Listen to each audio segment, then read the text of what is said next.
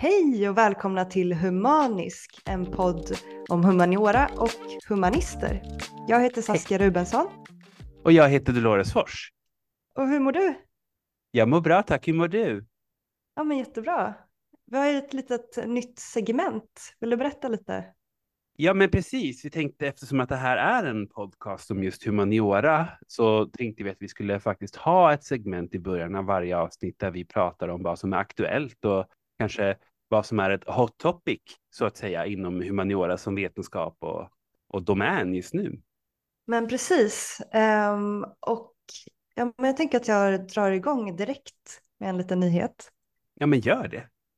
Yes. Det är gällande det väldigt heta ämnet AI som det ju pratas om hela tiden nu med ChatGPT och alla olika möjliga AIs. Och det är att det har publicerats ett öppet brev som ber liksom omvärlden att pausa AI-experiment som är mer kraftfulla än GPT-4 eh, i sex månader eftersom det går för snabbt tyckte den här organisationen då, Future of Life, som har publicerat det här öppna brevet. Och de skriver bland annat att ja, men de är lite alarmerade över hur snabbt det går med den här utvecklingen, lite rädda för den och skriver att frågan vi bör ställa oss är borde vi verkligen utveckla AI? Vilket ju är lite också humanistisk fråga att det är inte bara det tekniska att det går att utveckla utan vad kan det finnas för moraliska konsekvenser? Så det är lite spännande att det också väcks nu kritiska röster samtidigt som det är väldigt entusiastiskt bland många i användningen av AI. Och ingen mindre än kändisen Elon Musk som ja, folk tycker olika om har skrivit under eh, och bland annat 2500 andra kända namn. Så ja, men det är lite intressant tyckte jag hur vad som händer kring hela AI just nu, liksom AI-diskussionen. Ja, man ser ju väldigt dramatiska rubriker tycker jag kring det här när det kommer till, som du sa, de här väldigt existentiella frågorna kring mänskligheten. Att det här kan vara påbörjan på vår undergång eller att människan skulle på något sätt bli oanvändbar eller inte behövas längre. Ja men verkligen, att så många jobb kan ersättas. Um, och också såg jag någon artikel, jag tror det var Svenska Dagbladet, om hur kvinnor kommer vara förlorarna i användningen av AI för att det inte finns intresse bland kvinnor. Ja men det, det väcker mycket liksom. Så ja, det var en liten newsflash. Och du har också en artikel. Ja, absolut. Eh, och det är väl lika mycket en artikel som någonting som, ja, det du pratar om som pågår just nu. Och, och det är ju den här äh, stora diskussionen som pågår kring TikTok just nu. Bland annat då att ähm, eh, USAs kongress ska ha samlats för att diskutera ett potentiellt förbud mot TikTok. Och jag tänker mycket varför jag känner att det här är relevant för humaniora är just hur man tittar på TikTok. För TikTok är ju, liksom många andra sociala medier, en plattform för ett mänskligt uttryck. Det, det är ju där vi har modern kultur, populärkultur, det är där vi har våra liksom, moderna konstnärer, det är där vi har våra moderna liksom, drivkrafter av kultur och, och mänskligt uttryck. Um, och på sätt och vis så blir ju mycket den här TikTok-debatten um, lite en kamp om vem som har patent på det mänskliga uttrycket. För att det är ju uppenbart att det finns många politiska agendor bakom detta. Det finns ju hela frågan som driver problemet kring datainsamlingen som TikTok har och vem som äger och vem som utvecklar TikTok. Men sen finns det ju också en annan bakomliggande agenda och det är ju vilket land ska ha um, ensamrätt eller ha, vad säger man, ägandeskap av de här stora plattformarna. Och det är inte bara TikTok, det är ju Instagram, YouTube, det är Reddit och det är Twitter. Och, och det är ju någonting som pågår just nu i stort, den här diskussionen. Det är, ja, men det är jättespännande och det är intressant att båda de här egentligen ämnena väcker så mycket känslor. Det känns som att det lätt blir väldigt polariserat. Antingen är man för eller emot. Samtidigt som att precis, det är inte lätt att veta hur man ska hantera det hela. Jag, fick, eh, jag vet att SVT till exempel, de har ju TikTok, men då har de det på telefoner som inte har någonting annat, någon annan information på dem. De har bara ett chip i, i den telefon med bara TikTok-appen Eh, som en säkerhetsåtgärd. Men det är ju inte heller riktigt långsiktigt kan jag tycka. Så ja, men det är spännande hur, hur man reagerar på det här, på nyheter liksom. inom det här. Ja. Absolut, och det, det, finns ju en lite rolig röd tråd här. Jag, vi ska inte dra ut för länge på det här, men det är ju också att det redan idag finns ju TikTok som är genererade av mjukvaror som GPT-4 som vi pratar om. De här uh, som kan generera bildmaterial och, och, och, röster. Så att i en mening, där ser man ju redan nu en, en, en spännande liksom sammankoppling. Att det mänskliga uttrycket redan nu kan utföras av TikTok. Ja men eh, verkligen. Vi får, eh, ja, det kanske blir ett avsnitt på det här sen. Ja. Vi håller det lite, lite kort nu. men det var lite nyheter och det, och det är väl sånt här vi kommer ta upp lite i början av varje avsnitt hade vi tänkt. Precis. Men eh, då går vi in på dagens ämne. Ja, och vad, vad ska vi prata om idag? Ja, vi ska prata om en artikel som heter The End of the English Major, Major heter det. Major av Nathan Heller som Spännande. publicerades ja, eh, i, New, i New Yorker i februari. Så ja, men vi går in lite mer på den snart. Ja, så den här artikeln vi ska diskutera idag och kommer då sammanfatta lite av den. Eh, den är väldigt lång, men eh, den handlar egentligen, den heter The End of the English Major, Major. svårt med det där ordet.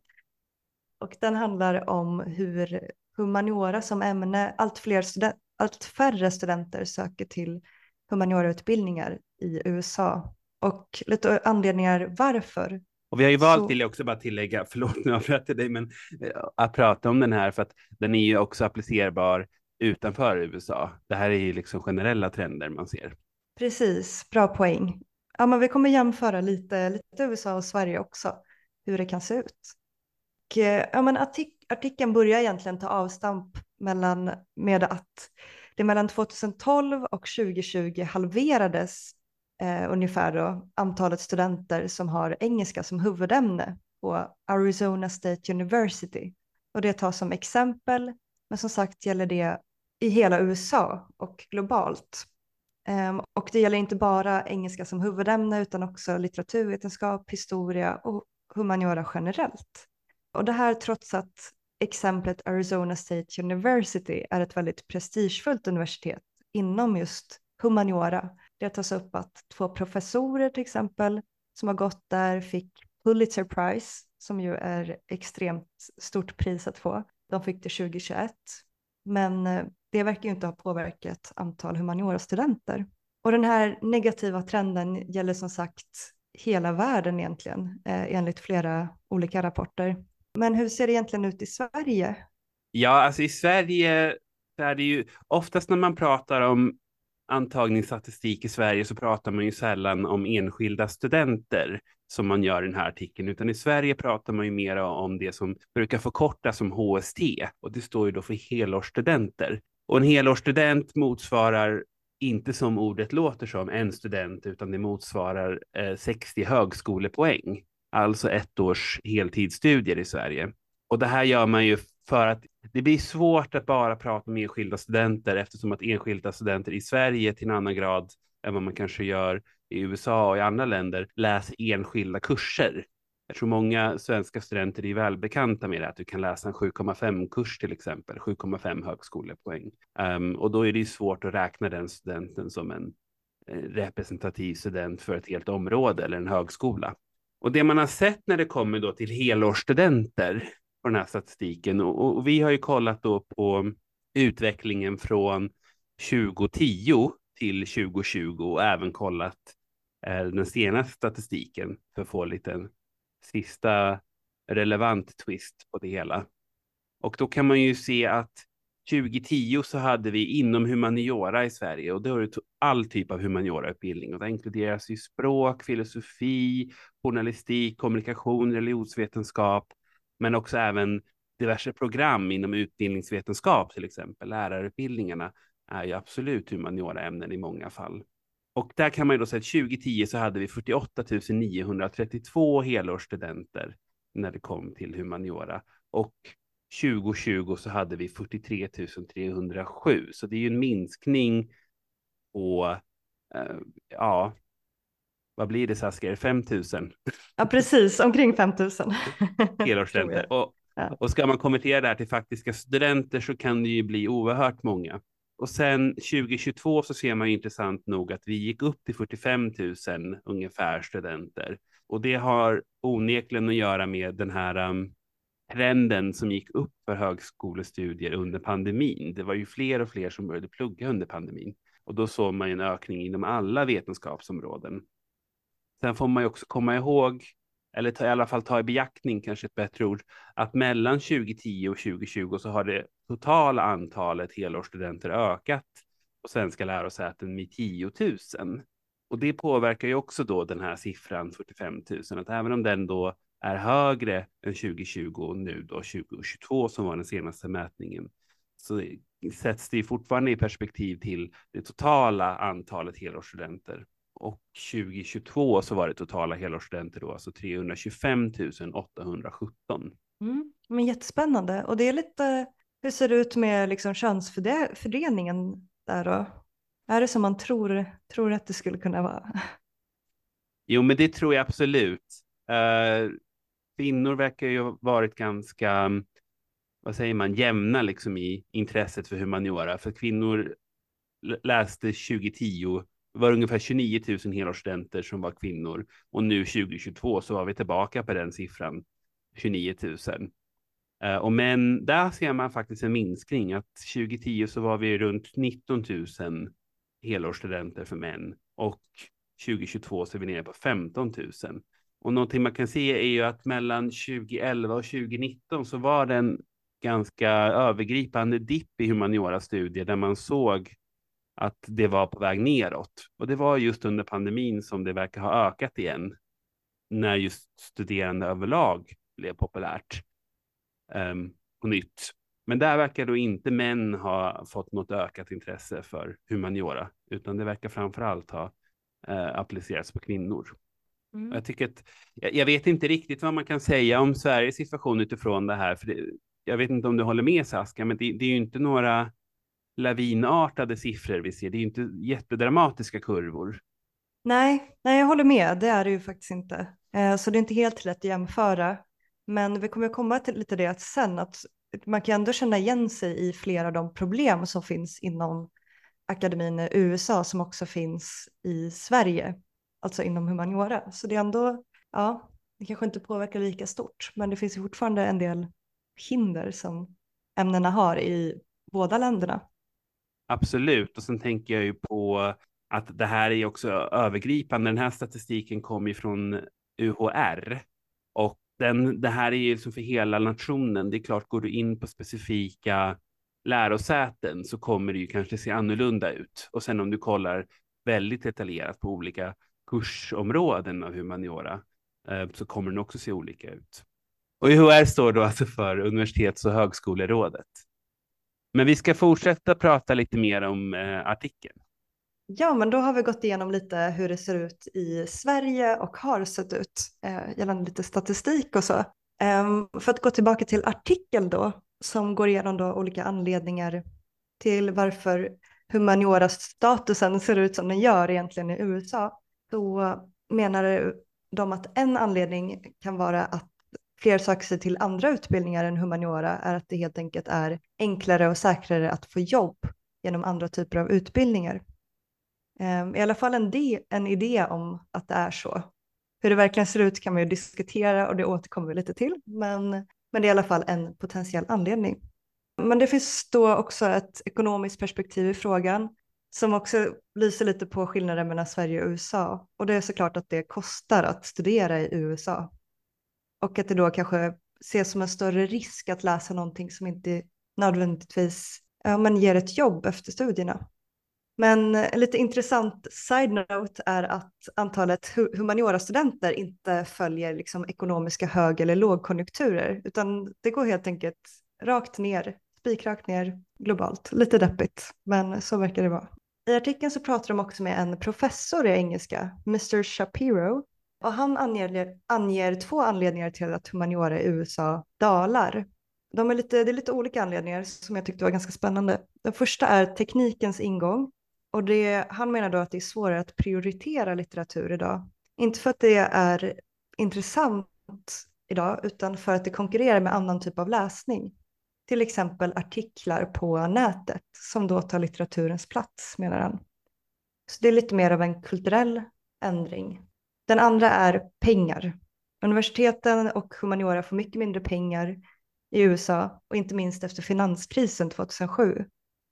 Och den här professorn, Mr Shapiro, menar att det går i linje med demokratins nedgång i landet. Så det är lite, lite teorier kring varför det ser ut som det gör. Men hur ser det, ut, ser det då ut i Sverige?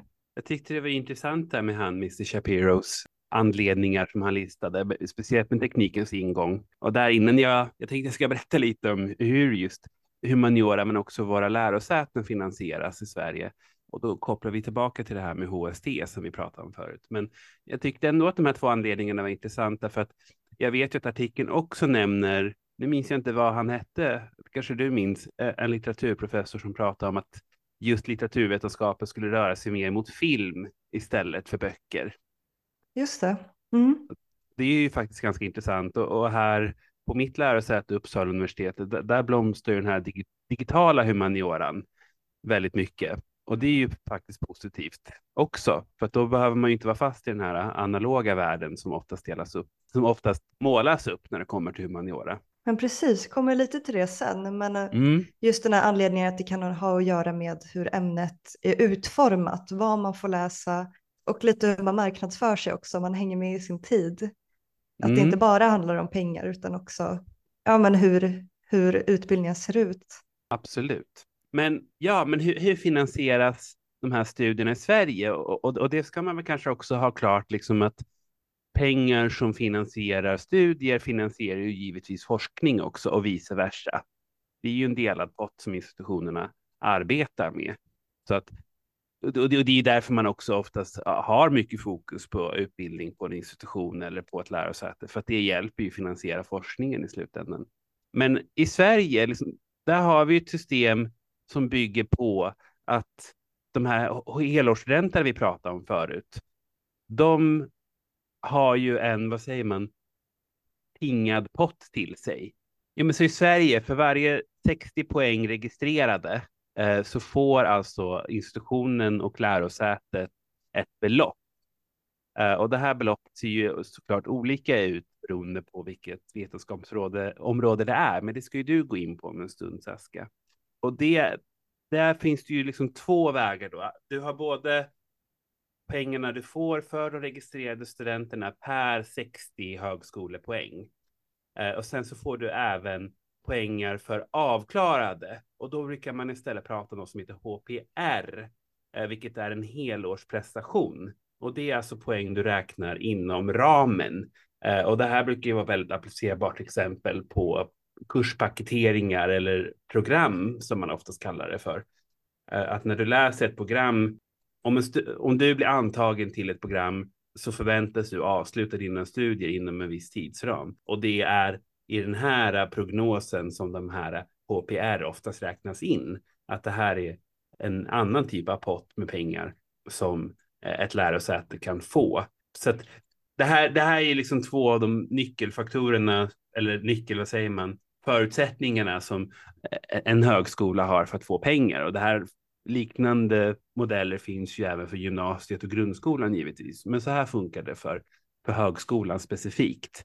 Sen i Sverige har vi ju ett takbelopp och takbeloppet det anger hur många studenter um, eller egentligen helårsstudenter ett universitet får anta. Så ett takbelopp alltså som anger hur många helårsstudenter ett universitet får anta och som får avsluta.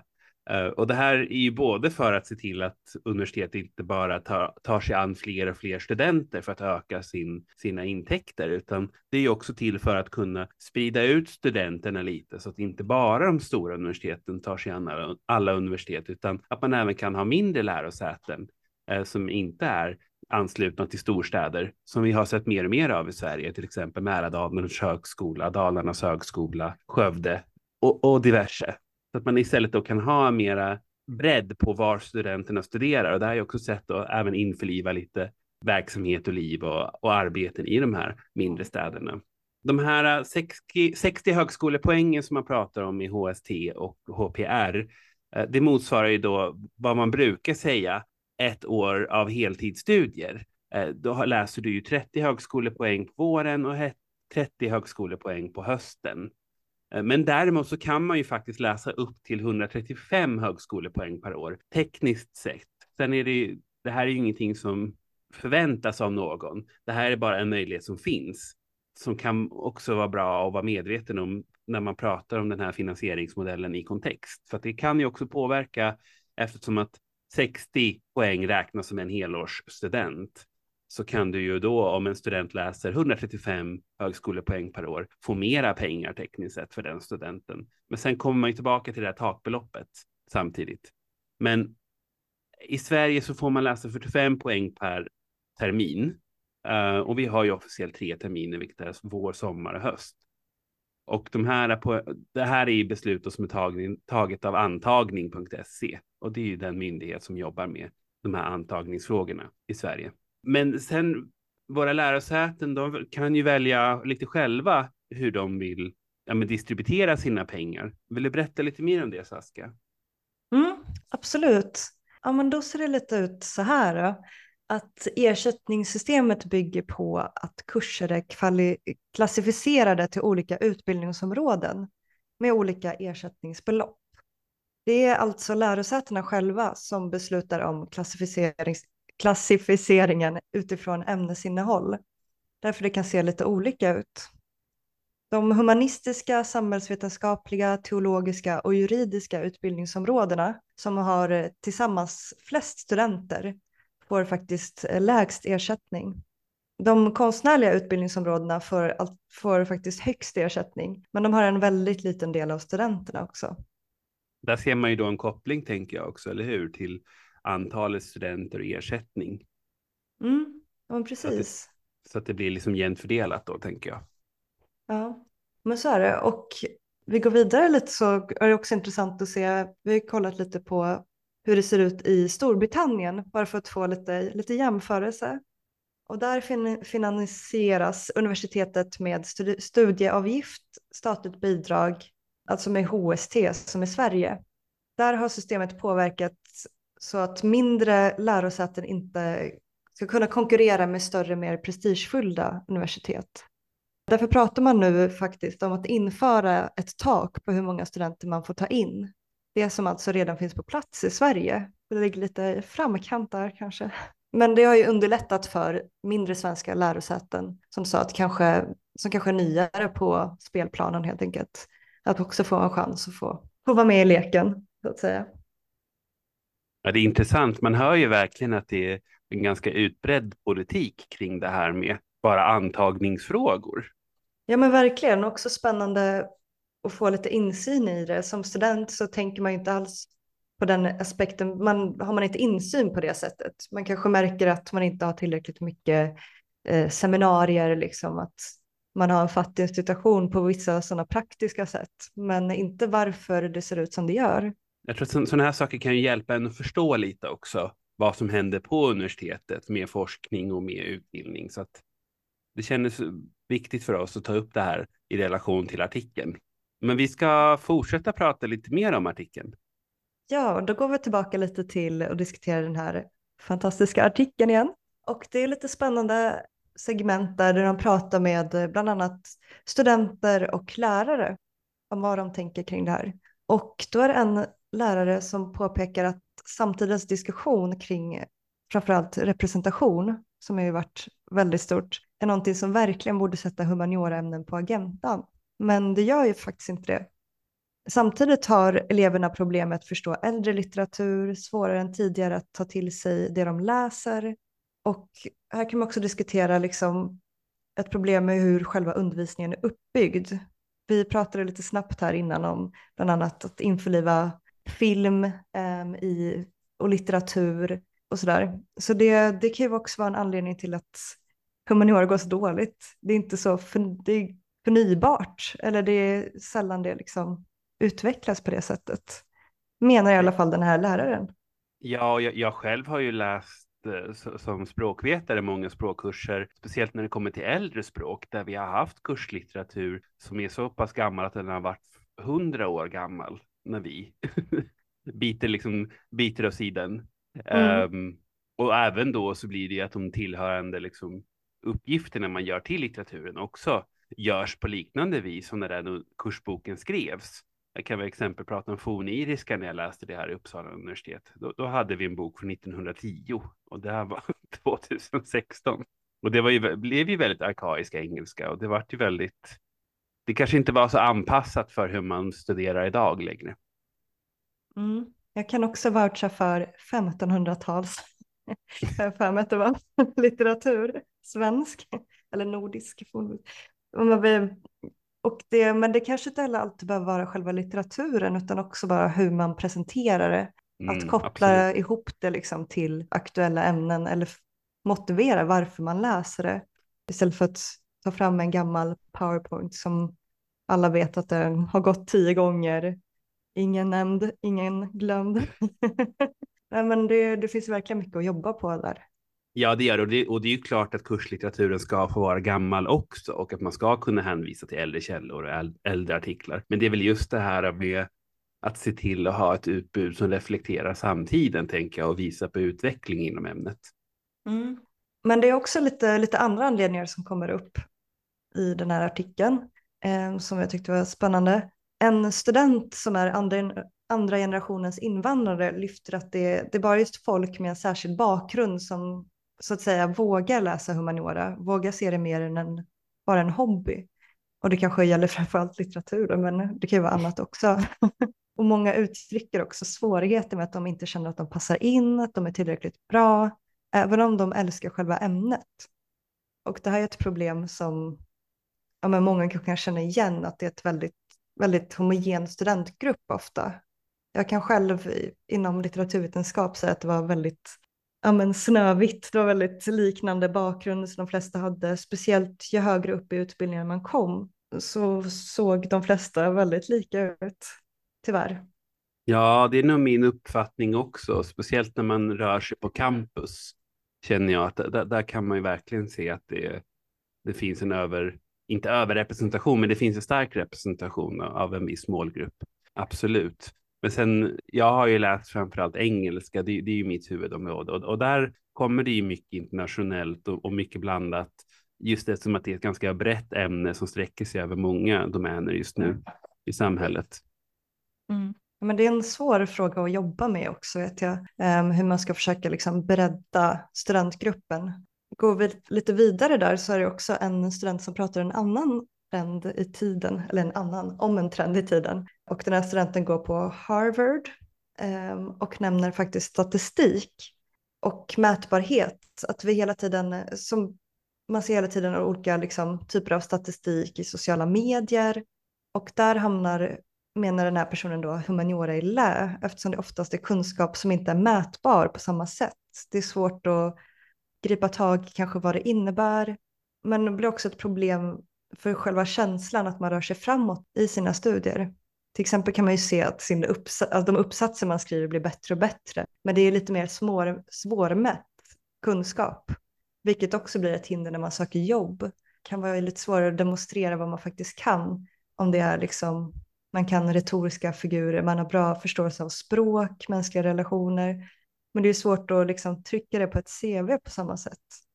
Ja, och jag tänker idag också när vi lever i den digitala tidsåldern så har ju också kunskapen som förväntas av en förändrats. För idag har vi ju sådana ofantliga tillgångar till litteratur, till databaser, till artiklar, till det konstanta flödet av humaniora. Så idag kanske inte allt det heller handlar om vad du kan utan vad du har för verktyg, vad du kan, alltså hur du kan ta till dig informationen om du förstår vad jag menar.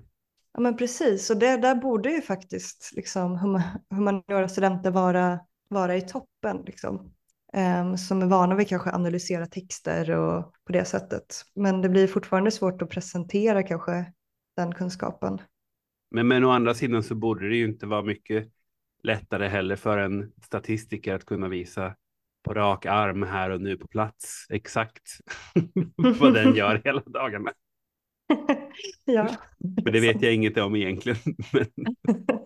Nej men säkert. men vi ska fortsätta framåt i artikeln. Ett annat problem med humaniora som artikeln lyfter är ju just det här att väldigt många inte vet vad humaniora är för någonting som ämne. Om man till exempel jämför med biologi eller fysik eller rymdvetenskap eller vad det nu kan vara. Och det här leder ju då i sin tur att man inte riktigt heller vet vad humaniora kan leda till när det kommer till jobb. I Sverige vet jag inte, här har vi ju våra lärarutbildningar till exempel och det är väl en ganska konkret väg, tänker jag, som många ser kring humaniora och jobb. Eller, eller vad tänker du Saskia? Nej men precis, att det, det, det stämmer nog för många liksom, att man inte riktigt vet vad det innebär helt enkelt. Man vet kanske inte alltid vad, liksom, vad gör en litteraturvetare annat än liksom forska eller sitta i typ Svenska Akademin. Så det är nog absolut ett problem liksom, i Sverige också. Jo, men det tror jag. Absolut. Men, men, i den här artikeln så pratar man ju också mycket om hur viktigt det är med de här, äh, kanske ikonerna skulle man kunna säga, inom Eh, olika områden. Och, och, här är ju ett litet citat då från Jeffrey Cohen som är dekan i humaniora vid Arizona State University. Och han skriver så här, eller sa, det är ett citat. Many students uh, are first generation and bringing the weight of the family tradition with them to the classroom. If they know that someone like John Legend studied literature and made a great, a really great career, they're like, okay. Ja, och det här kan nog mycket väl vara applicerbart eh, även i Sverige. Och, och, och, jag tror att du och jag pratade om det här förut, Saska, just att många kändisar till exempel kan ju få de här hedersdoktortitlarna. Eh, och bara nu i veckan här så annonserades ju att Greta Thunberg skulle få bli hedersdoktor i teologi vid Helsingfors universitet. Ja, det är helt... Det är både jag chockad och lite road att det just blev teologi av alla anledningar. Det kanske inte... Jag har svårt att tänka mig att folk skulle liksom vilja plugga teologi bara för att Greta Thunberg är hedersdoktor där, men, eh, men good for her. Good for her. Ja, precis. Och det, där, det spelar väl säkert också in att ge mera prestige till universitetet i sin tur, tänker jag. Så att det är nog många led. Och vi pratade väl också om att Taylor Swift till exempel, hon har väl också fått en sån här hedersdoktor. Precis, väldigt många så, speciellt artister och filmstjärnor i USA får ju det. Och det kanske inte är en direkt anledning till att man väljer att plugga, men kanske är det lite liksom omedveten lite, lite bättre inställning till vissa ämnen, vem vet? Ja, ja man, kan, man kan ju prata om hela Bob Dylan och Sant, just det. Prisutdelningen där också faktiskt. Ja, han fick ju Nobelpriset, exakt. Mm, precis, och vad det hade för påverkan. Mm. Men tillbaka just till det här med, med karriär och humaniora lite, så, så pratar ju artikeln mycket om det här att man förväntas studera längre idag än tidigare och att det kan upplevas i alla fall som att det är svårt att man får jobb eh, efter utbildning och även då efter man till exempelvis har doktorerat om man går den vägen. Och i Sverige så är ju lite det här samma utveckling. Man har sett att om du backade bandet 30-40 år tillbaka, då kom du ganska långt på en kandidatexamen. Ehm, men idag så finns det ju studier som har gjorts som visar på att man behöver plugga högre och högre. Nu, nu klarar man sig oftast inte längre på en kandidat, utan du förväntas antingen gå vidare till magister eller en master. Ehm, och det finns ju till och med redan nu också trender som visar på att du kan också behöva gå ännu längre och faktiskt doktorera ehm, för att på riktigt kunna få ut något av din utbildning karriärsmässigt. Och sen kan man ju prata om mer vad det innebär i praktiken. Vi gjorde till exempel en studie i Uppsala som pratade om att det stor anledning till det här är ju också det, stor, alltså det stora ökningen i folk som faktiskt pluggar. Och det här kan man ju knyta samman till breddad rekrytering. Att fler och fler har tillgång idag. Flera kvinnor pluggar mer än någonsin och sen också andra generationens invandrare eh, och sen många från olika socioekonomiska bakgrunder. Eh, man har ju också även satsat på att få folk som inte har föräldrar med en akademisk bakgrund att plugga. Eh, och det är ju väldigt positivt. Men det här är ju också en konsekvens av det, att då har vi ju fler och fler utbildade akademiker ehm, och där kanske inte alltid jobbmarknaden räcker till som det ser ut nu i alla fall. Man vill ju tycka att det är såklart bra att många, ju fler desto bättre som pluggar, men just den här kopplingen till arbetsmarknaden är ju lite klurig hur det ser ut. Um, också, det är ju, man har pratat om gymnasiet också, att det ska bli fler yrkes, yrkesutbildningar. Ja, men det, det finns mycket där att diskutera faktiskt. Ja, och det här är ju givetvis inte bara applicerbart på universitetsutbildning, utan jag tänker det här är väl någonting som drabbar all form av utbildning. Det är väl konstant en balansvåg, tänker jag, med hur många som behövs och hur många som utbildar sig. Men eh, en fördel som lyfts här i artikeln är ju att många som har studerat humaniora, och speciellt de då med kommunikativ och analytisk kompetens, får ju chefsjobb. Um, det är någonting man ser ofta. Och eh, det kan ju också i sin tur innebära att humaniora och en humanistisk bakgrund ändå kommer bäras vidare i framtidens tekniska och kulturella utveckling. Och det här är väl absolut också applicerbart i Sverige. Jag menar, från mitt egna perspektiv, både chefsjobb men också äh, mycket administrativa tjänster eh, brukar ju tilldelas folk med humaniora bakgrund. Ja men precis, vi pratade om det att det kanske inte alltid är jobben man vill ha som man får men att det inte är just arbetsbrist eh, som man kanske tror att alla hamnar på a-kassa efter, efter att ha pluggat vad det nu kan vara, men någon typ av humanioraämne. Så det är ändå viktigt att lyfta en lite liksom positiv grej kring eh, den typen av utbildning.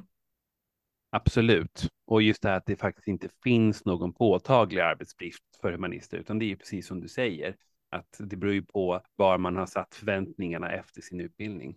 Men vi ska gå vidare och gå in på den sista delen av artikeln. Man går vidare lite i den här väldigt omfattande artikeln Ehm, så lyfter de också en typ av ja, men fenomen eller någonting som händer ofta idag. Och det är att det är väldigt vanligt att lyfta att någonting är problematiskt eller problematic som man säger på engelska ehm, och lyfter kritik, eh, inte minst från liksom humanioras håll så att säga, men utan att faktiskt gå djupare i problemen och analysera. Och det, det kan ju vara lite av ett problem också att man sätter på sig lite av en offerkofta eller pekar finger på det sättet som är, ja, kan vara en anledning till varför det ser ut som det gör idag. Ja, jag, jag, jag kan känna igen den trenden i humaniora, just det här med peka fingerrollet som du sa lite offerkoftan, att ibland kan det i alla fall upplevas så, att det är mycket problematisering, men att man kanske inte alltid djupanalyserar så mycket mer utöver problematiseringen. Jag kan hålla med och lite ironiskt på något sätt eftersom man tycker att den typen av eh, utbildning verkligen ska vara i sitt esse i det. Ehm, men ett annat lite mer praktiskt problem som de lyfter är eh, politiken som inte nämner humaniora alls menar, menar en person i artikeln där de tar som exempel att till exempel när Obama var president, att han bara ropade ut stäm, stäm, stäm. Och STEM är alltså en förkortning av ämnena Science, Technology, Engineering and Mathematics. Det stämmer. att det, det är problem också, ja, men just hur politi politiken pratar om humaniora, eller snarare inte pratar om dem att det varken Trump eller Biden har nämnt de här, den här utbildningen eller utbildningarna heller. Och det kan man ju kanske koppla ihop också då med status och pengar såklart. Jag tänkte bara, och det kanske också går att koppla ihop lite det här, det kanske är lite samma mentalitet mycket som med den här andra generationens invandrare som de nämnde innan, att man är väldigt arbetsorienterad. Och jag tänker det är väl det mm, politiker även i Sverige kanske tittar mycket på de här naturvetenskapliga ämnena för mer jobb för att man tänker att utvecklingen ligger i teknik och medicin och de naturvetenskapliga ämnena. Att det är där liksom mycket av arbeten kommer genereras. Men kanske också att konkurrenskraften även genereras därifrån. Jag håller med, så det är egentligen inte jättekonstigt att det, det faktiskt ser ut så, även om det är lite tråkigt. En annan del i artikeln eh, slutligen, den sista faktiskt, är lite diskussion kring själva lokalerna. Det är spännande att de också är viktiga för hur ämnen värderas. De här så kallade stämämnena har alltså oftare fräschare, lite flashigare lokaler och det kan ju ses som en symbol för liksom högre status, innovation. Jag ska försöka läsa ett citat på engelska här som jag tyckte var lite roligt. Det är en student då som följa, säger följande efter att ha sett lokalerna där de naturvetenskapliga studenterna håller till. In school I had been friendly to the sciences, but I had majored in the humanities. And since then I had never had a moment of real regret. After half an hour in this new complex, I was prepared to do it all again and choose the interesting, vivifying life path of an engineer. Det var lite lustigt citat bara hur liksom en halvtimme i den här flashiga lokalen fick en att tänka om helt kring, sin, kring sina studier. Och jag kan förstå ändå varför. Ja, för mina, mina egna anekdoter här i Uppsala så tycker jag absolut att det stämmer, speciellt mot den här ingenjörslinjen. Jag vet att vid Uppsala universitet så är det ingenjörslinjen som har fått det här senaste utbyggnaden på sitt campus. Det är ju stort prådigt glashus med moderna liksom med moderna arkitektur och moderna funktioner. De har den här jättestora Foucault-pendeln vet jag när man kommer in där som till och med självaste kungen och drottningen har varit och kollat på med oj, stor oj. publik. Och det där ser du ju inte på Humanioras campus. Men med det sagt så vet jag ju att till exempel vårt medicincampus är ju inte heller jätte, jätte lustfyllt heller, utan tvärtom. Jag kan ju själv tycka om att promenera där när jag känner att jag vill vistas i en kuslig och depressiv miljö. ja. Men det är också intressant hur det blir en, en typ av identitet också, alltså vad man är. Alltså jag tänker att eh, jag pluggade ju också i Uppsala, att man, eh, man såg de här flashiga husen och tänkte, ah, men de, man är inte som dem, man har sitt, liksom, sin second hand-kofta och sin gamla byggnad och det är en del av charmen. Det kan ju också vara lite skadligt sätt att tänka för att det inte leder till liksom förnying, men det kan också vara kanske det man vill ha. Men, men jag tänker också på det här med arkitekturen som vi pratade om, att speciellt om man kollar på eh, Stockholm och Göteborg till exempel, och även till viss del här i Uppsala, för att ingenjörscampuset är ju väldigt avskilt här från de andra campusen. Men, men i Stockholm till exempel, där har du ju Stockholms universitet, där alla, nästan alla ämnen delar ju på samma campus, eh, mer eller mindre. Och sen så har du ju Handelshögskolan och så har du Tekniska högskolan för sig själv. Och samma sak är det ju i Göteborg också. Där har du också ett campus som representerar många. Men de här större, mer populära ämnena är ju Chalmers med Lindholmen och sen så även där har du ju en handelshögskola också. Där finns det ju ändå kanske en medveten ändå separation. Um, och efter att ha besökt båda de här universitetsstäderna så ser man ju också att ingenjörerna och ekonomerna får ju en annan standard på sin arkitektur och, och sitt campus än vad, än vad kanske den, det huvudsakliga campuset får, om man säger så. På gott och ont. Precis, på gott och ont. Även om, eh, ja, det känns ju lite, lite deppigt ändå generellt tycker jag. Men eh, då har vi kommit i alla fall till slutet av diskussionen kring den här eh, artikeln då, eh, som vi har diskuterat, The End of the English Major. Ja, har, har du några sista reflektioner på artikeln Saskia, om du, från, ditt, från, från ditt egna perspektiv? Ja, jag tycker framför allt, eh, vi pratade lite om att den är extremt, den tar upp väldigt många trådar, det var det vi också tyckte var lite intressant. Och det, ja, men det tycker jag är det viktigaste att ta med sig egentligen. Att det, det finns kanske inte en enkel lösning, utan som vi pratade om lite här ovanför, att allt är inte problematic och man kan liksom peka finger, utan det är flera aspekter utav varför det ser ut som det gör. Och man får försöka liksom hålla flera tankar i huvudet samtidigt, även om det kan vara lite, lite svårt ibland. så, så tycker jag att det, det är typ det viktigaste jag tar med mig mer än eh, liksom en klar förklaring till läget i humaniora. Ja, men det är en bra reflektion tycker jag. Absolut. Har du någon eh, tanke du vill föra med? Nej, men jag, jag håller nog med dig till det mesta faktiskt. Eh, kan inte, alltså det, det som gör hela det här, den här situationen intressant tycker jag är väl egentligen alla ämnen inom universitetet följer väl samma popularitetscykler som allt annat människan gör. Det finns ju ingenting människan ägnar sig åt som konstant kommer vara populärt och vara uppskattat och prioriterat av alla målgrupper i samhället. Allting är ju förändligt. Men, men det som gör det här intressant är väl just att peng när pengar kommer in i bilden och, och man också flätar in det här med politik. Och det är väl det som kanske ändå gör att man kan prata om humaniora på det här sättet. För att eh, jag ser absolut att det kommer komma en framtid där humaniora igen kommer få den uppmärksamhet och det, den kärlek det förtjänar. Men just nu så är vi kanske inte inne i en period där det är supertrendigt.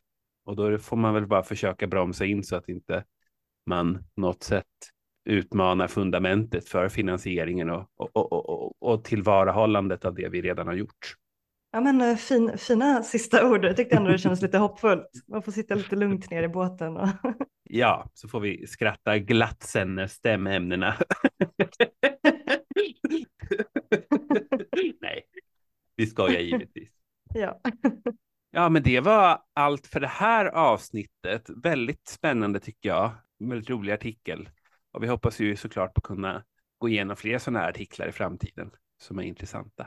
Men eh, då vill vi tacka för oss. Eh, vi vill som vanligt uppmana er att följa oss på Instagram där vi heter Humanisk podd eller bara Humanisk kan ni nog säkert söka på så hittar ni oss. Vill ni mejla oss så är vår mejladress humaniskpodd med ett d snabela gmail.com. Och eh, ja, tack så mycket. Ja, tack och hej.